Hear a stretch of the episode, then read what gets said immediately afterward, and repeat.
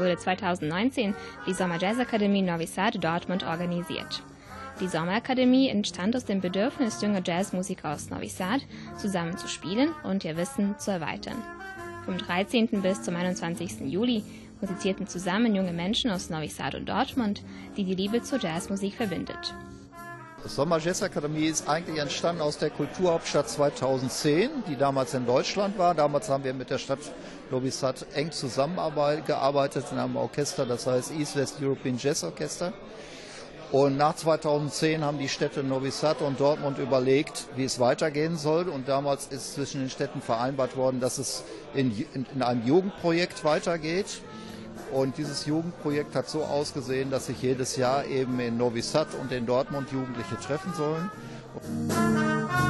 Wir machen heute so ein Education Streaming, das heißt, wir versuchen einigermaßen festzustellen, äh, inwieweit die Studenten spielfähig sind, beziehungsweise welchen Level sie haben. Und dann werden sie in verschiedene Gruppen eingeteilt. Anfängergruppen, fortgeschrittene Gruppen. Jeder wird seinen Fähigkeiten entsprechend eingeordnet, unter anderem durch Einzelstunden, die ich natürlich auch im Trompetenbereich gebe. Und dann kann ich sehen, wer kann in der Big Band spielen, wer ist mehr für die Combo geeignet.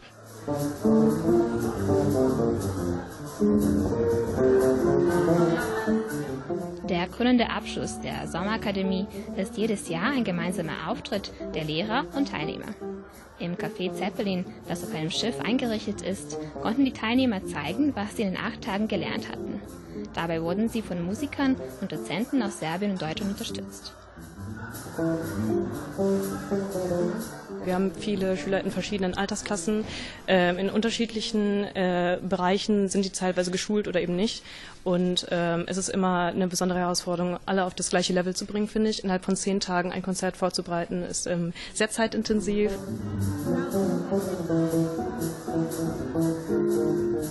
Welche Instrumente sind denn alle hier vertreten bei der Sommerakademie? Also alle Instrumente, die im Jazzbereich tonangebend sind. Äh, Saxophone, Posaunen, Trompeten, Rhythmusgruppe, Gitarre, äh, Bass, E-Bass, Schlagzeug und äh, so ist sogar eine, glaube ich, eine Geigerin oder zwei Geigerinnen dabei, die in den die Harmoniegruppen dann kommen. Also im Grunde alle Instrumente, die man auch so landläufig kennt, die aber auch gerade im Jazz gebraucht werden. Wir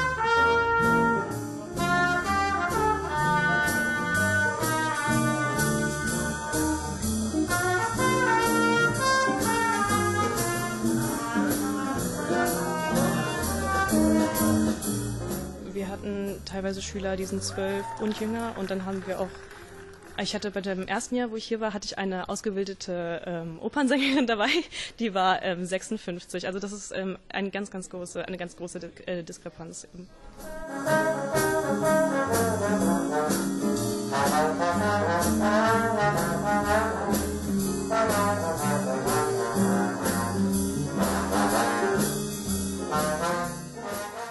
Warum hast du dich für die Sommer Jazz Akademie beworben? Ähm, weil ich finde, es ist eine super Möglichkeit ist, neue Kontakte zu kriegen und gerade jetzt auch in Bezug auf diese Jugendkulturhauptstadt, europäische Kulturhauptstadt, lernt man viele verschiedene Leute kennen aus ganz Europa. Ähm, und ich finde auch einfach dieses Workshop-Programm super, dass man eben alle Sachen verbindet wegen dem, zum einen eben diese Instrumentalunterrichte, aber auch die, das Ensemblespielen, den Theoriekurs. Und das ist etwas, was es bei uns, glaube ich, gar nicht so oft gibt und deswegen macht das sehr viel Spaß hier auch, auf jeden Fall.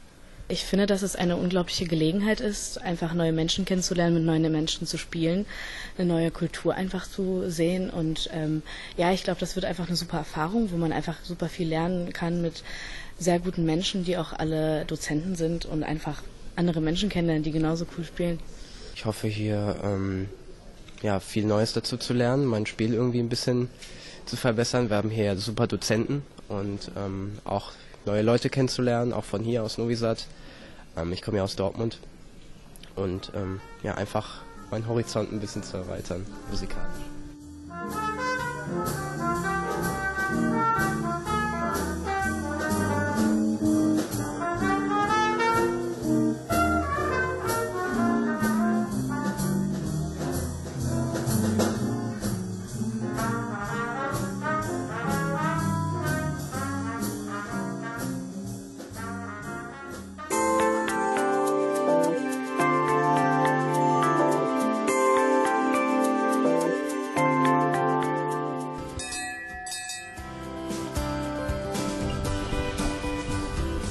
Es ist keine Original-Ulmer Schachtel von vor 100 Jahren, sondern diese Schachtel, die ist jetzt genau acht Jahre alt. Mhm. Und insofern, es ist ein Nachbau von der Original-Ulmer Schachtel. Mhm. Vor 300 Jahren sind diese Schachtel auch äh, nach der Vojvodina und auch nach Rumänien gekommen und sie waren auch mit diesem Schachtel in Novi Sad. Wir waren mit dieser Schachtel in Novi Sad schon mehrere Male. Oh. Äh, Novi Sad ist eine unglaublich interessante, tolle Stadt, auch für uns. Äh, der Zweck unserer Gesellschaft ist ähm, auch Freund, Freundschaften zu knüpfen, ähm, Leute kennenzulernen und Kontakte zu knüpfen. Genau.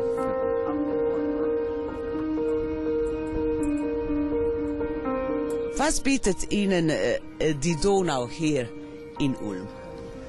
Die Donau ist wir, zentraler Bestandteil unserer Stadt. Sie trennt Neu-Ulm vom Ufer von Ulm, von Baden-Württemberg und Bayern. Also es ist auch die Landesgrenze, die innerdeutsche. Ähm, die Donau verbindet die Städte entlang der ganzen Donau-Anrainerstaaten von Wien eben bis nach Novi Sad. Und ich glaube, ja, wenn man richtiger Ulmer ist, dann war man auch schon mal in der Donau beim Schwimmen.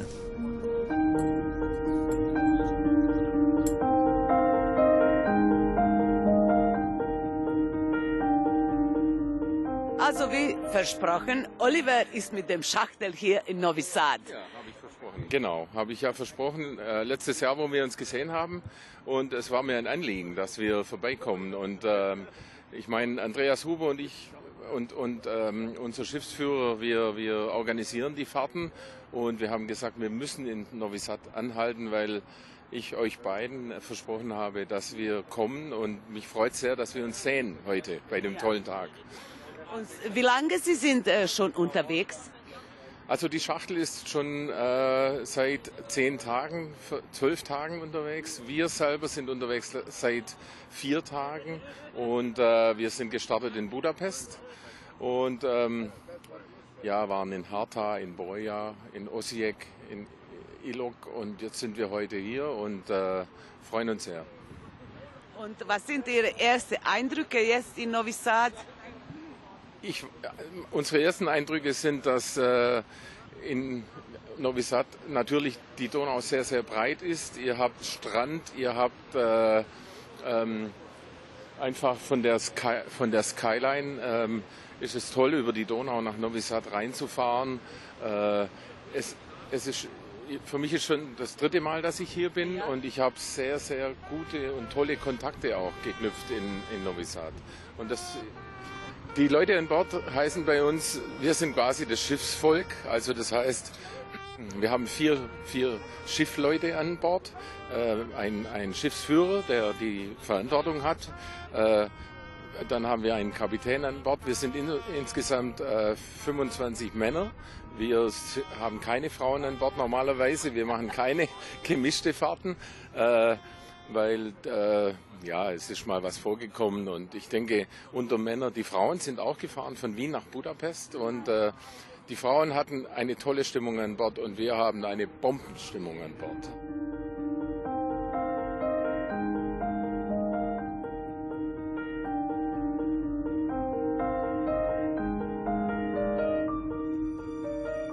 Endlich können wir auch den Schiffskapitän kennenlernen, weil wir in Ulm Sie nicht gesehen haben. Äh, was sind Ihre ersten Eindrücke hier in Novi Sad? Ich habe es der Kollegin schon gesagt, ich bin das erste Mal in Novi Sad. Ich freue mich, äh, die Stadt kennenzulernen. Wir sind ja leider nur eine Nacht da, aber ich bin gespannt. Viele meiner Kollegen hier an Bord und äh, Passagiere waren schon öfters in Novi Sad. Ich finde es bis jetzt schon sehr schön. Und wie ich gehört habe, Sie kommen auch in zwei Jahren wieder hier. In zwei Jahren ist Novi Sad Kulturhauptstadt und unser Oberbürgermeister Gunter Zisch möchte gemeinsam mit uns äh, zu diesem Anlass nach Novi Sad und Novi Sad besuchen.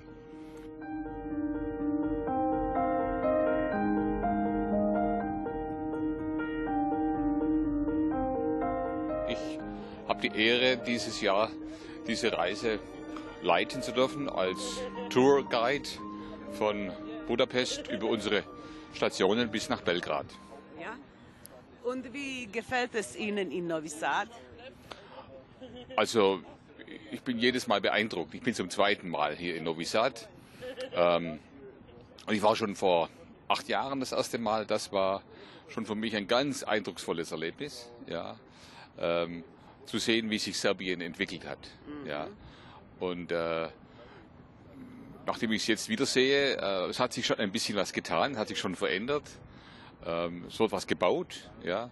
Und ich freue mich eigentlich auf heute Abend, ähm, nochmal durch die Straßen zu gehen, in das Zentrum von Novi Sad.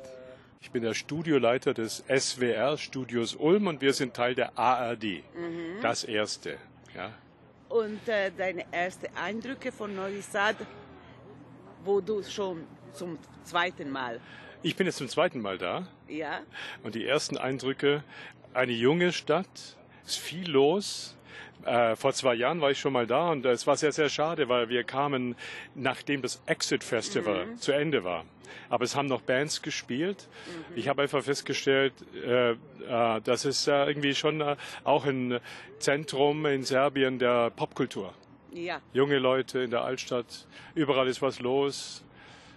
Das ist cool, coole Stadt. Ja. ja. Und äh, du arbeitest ganz alleine? Ja, ausnahmsweise versuche ich das mit dem Mobile Reporting Set, mit diesem äh, Smart äh, Technology. Und äh, ich, ich schaue mal, was dabei rauskommt. Ja. Ich, ich schätze die Arbeit von Kameraleuten sehr, mhm. professionelle Kameraleute, aber ich bin ja nur Journalist und ich versuche das mal alleine zu machen. Äh, vielleicht klappt das. Aber mit dieser neuen Technologie äh, ich, äh, bin ich guter Hoffnung, dass das funktioniert. Und wann wird es ausgestrahlt? Ich denke mal am Ende unserer Sommerferien zu Hause, Anfang September, glaube ich, dass das ausgestrahlt wird,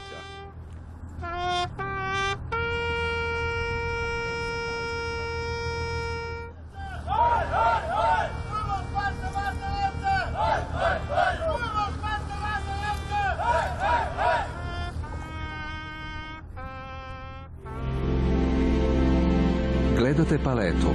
Izbor iz emisija na jezicima nacionalnih zajednica.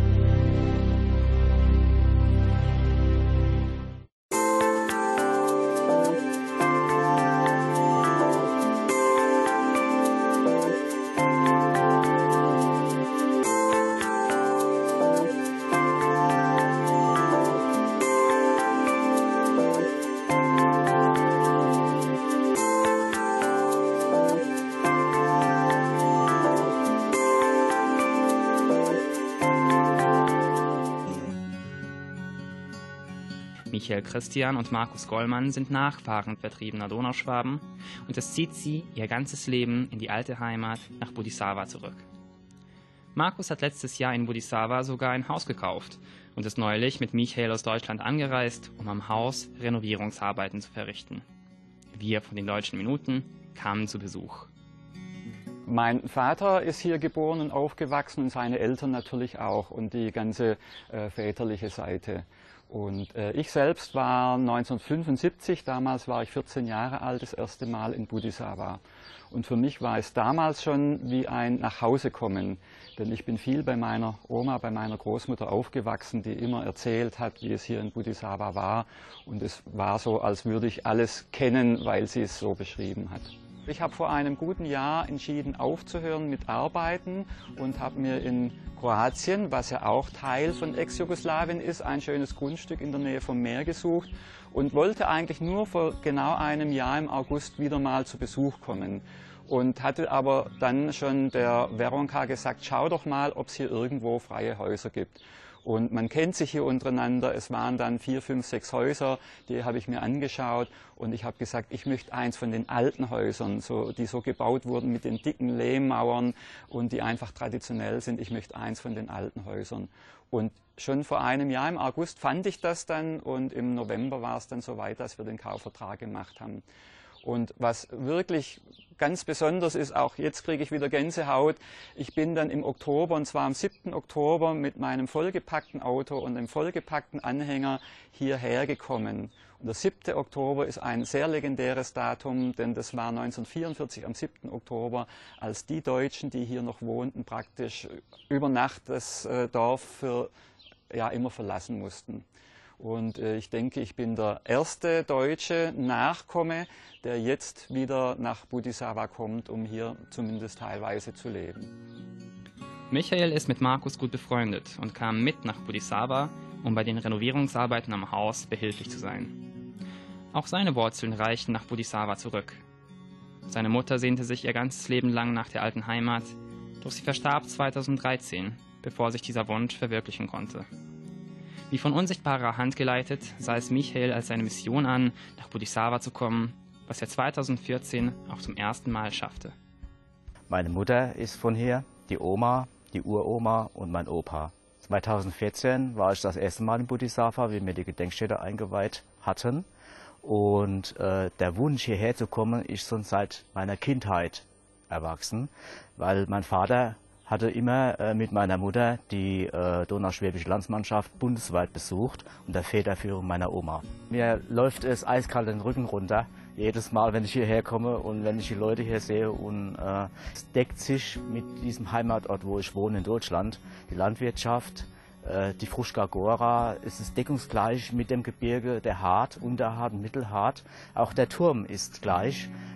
Ich möchte hier mein Rentendasein genießen. Das heißt, äh, die Grundlage ist gelegt. Äh, Im Moment kann ich nichts kaufen, aber später hinaus würde ich vielleicht mit einem Wohnmobil oder mit so einem äh, Mobilheim mich hier sesshaft machen.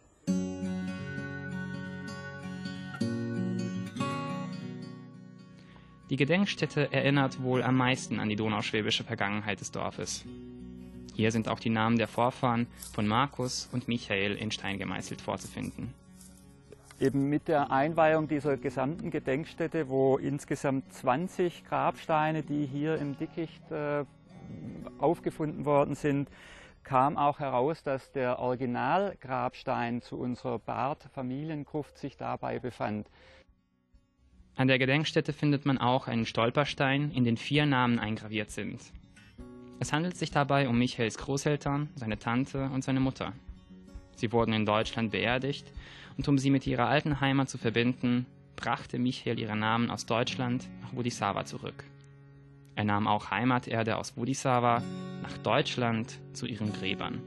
Ich hatte das Bedürfnis, die Namen zurückzubringen an den Ort, wo meine Vorfahren her sind. Und gleichzeitig brachte ich Heimaterde mit und streuselte die aufs Grab meiner Mutter, meiner Tante und meiner Oma. An der Gedenkstätte trafen wir zufällig auch eine langjährige Bekannte von Markus, die in Budisawa lebt und sich darum bemüht, dass an der Gedenkstätte immer Blumen vorzufinden sind. Sie kennt Markus seit 49 Jahren und sie ist auch diejenige, die ihm dabei half, das Haus zu kaufen. Wir haben kennengelernt durch den Großeltern von Markus, weil der Großeltern ist geboren in Budisawa. Und äh, wir gekommen nach Deutschland, dreieinhalb Jahre haben gearbeitet und genau neben der Markus Oma gewohnt. Freundschaft ist immer noch, auch mit dem Markus Bruder und der Schwester und der ganzen Familie Gollmann. Obwohl Markus Gollmann und Michael Christian weit entfernt von Budisawa aufgewachsen sind, hat sich das Dorf tief in ihren Herzen verankert. Und obwohl die donauschwäbische Geschichte von Budisawa 1944 ein abruptes Ende fand, bildet sich hier aus den Splittern der Vergangenheit langsam wieder ein Stück donauschwäbische Zukunft.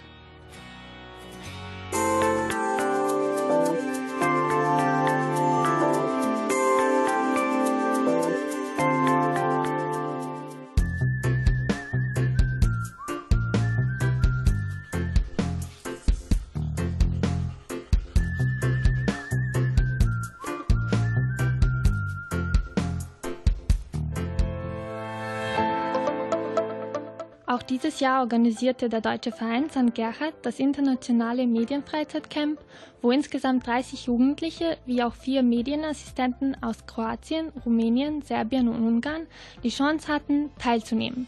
Die Freizeit fand vom 29. Juli bis zum 8. August 2019 im Ferienlager des Roten Kreuzes bei Batschki Monostor statt. Dieses Camp äh, findet dieses Jahr zum siebten Mal statt. Das ist das grenzüberschreitende Medienfreizeit, das wir hier im Batschki Monostor im Camp des Rotes Kreuzes organisieren. Die jungen Teilnehmer zwischen 14 und 16 Jahren hatten die Möglichkeit, Jugendliche aus anderen Ländern kennenzulernen und gleichzeitig ihre Deutschpraxis zu verbessern. Ich bin das zweite Mal hier. In den zehn Tagen lernen wir, wie man äh, Filme drehen kann, was bedeutet, wie man schauspielen kann, Regisseur, Abteilung, Kamera, Ton, alles. Ähm, ich war letztes Jahr auch Regisseurin, jetzt bin ich es auch. Und äh, letztes Jahr haben wir einen Horrorfilm gemacht, jetzt auch. Und äh, mir macht es sehr viel Spaß, also äh, neue äh, Leute kennenzulernen und alles, was mit Film zu tun hat. Ziel des Camps war es, Deutsch zu lernen, während man sich mit den digitalen Medien beschäftigte. Was heißt, dass die Teilnehmer Kompetenzen erlangten, wie zum Beispiel das Produzieren eigener Kurzfilme, Theaterstücke und Hörbücher. Das Programm sieht folgendermaßen aus. Die äh, Teilnehmer sind aufgeteilt in unterschiedliche Gruppen und die haben unterschiedliche Workshops zu Thema Medien. Äh, das sind auch so konkrete so Schnittprogramme, Bearbeitung von Foto, von Videos, konkrete Sachen, die sie später äh, bei der, bei der, beim Dreh äh, und bei Zusammenschneiden also von einem Film, Film benötigen. Resultat sind dann Filme, also die sie machen. Wir haben auch Medienassistenten dabei, die wir so ein bisschen weiterbilden. Die stehen so zwischen den Teilnehmern und den Medienreferenten selbst. Und mit denen habe ich eine Dokumentarfilmeinheit gemacht und dabei haben wir uns selbst gefragt, wann kam denn eigentlich der Moment, als man sich dazu entschlossen hat, überhaupt mal in diesem Camp teilzunehmen. Es ist auch schön, einfach mal raus aus dem normalen Umfeld zu kommen und in ein anderes Umfeld reinzuspringen und das, was man gelernt hat, dann eben auch wieder weitervermitteln zu können äh, und das äh, möglichst umfangreich. Ist aber nicht immer so einfach. Da die gemeinsame Sprache Deutsch ist, wird immer darauf geachtet, dass das Sprachniveau nicht allzu schwer ist. Deutsche Sprache im Camp ist immer ziemlich spannend, weil wir unterschiedlichste Teilnehmer haben, die auch ein unterschiedliches Deutsch-Lernniveau haben. Also es gibt einige, die können schon sehr, sehr gut Deutsch. Es gibt aber auch einige, die natürlich noch nicht so weit äh, in der deutschen Sprache fortgeschritten sind. Und ähm, das ist dann immer so ein Spagat, den wir machen müssen aber wir versuchen möglichst niederschwellig anzufangen, also sehr leichte Sprache zu verwenden, äh, damit das auch bei den Teilnehmern ankommt. Äh, aber dann geht es natürlich darüber hinaus, über Bewegung, über Medientechnik, äh, über Theater, äh, letztendlich Sprache ein Stück weit zwar zu umgehen und doch wieder Sprache mit reinzubringen, äh, um das eben über Künste letztendlich vermitteln zu können. Zu guter Letzt ist es wichtig, beim Deutschsprechen Spaß zu haben und daran hat es beim Medienfreizeitcamp ganz sicher nicht gefehlt.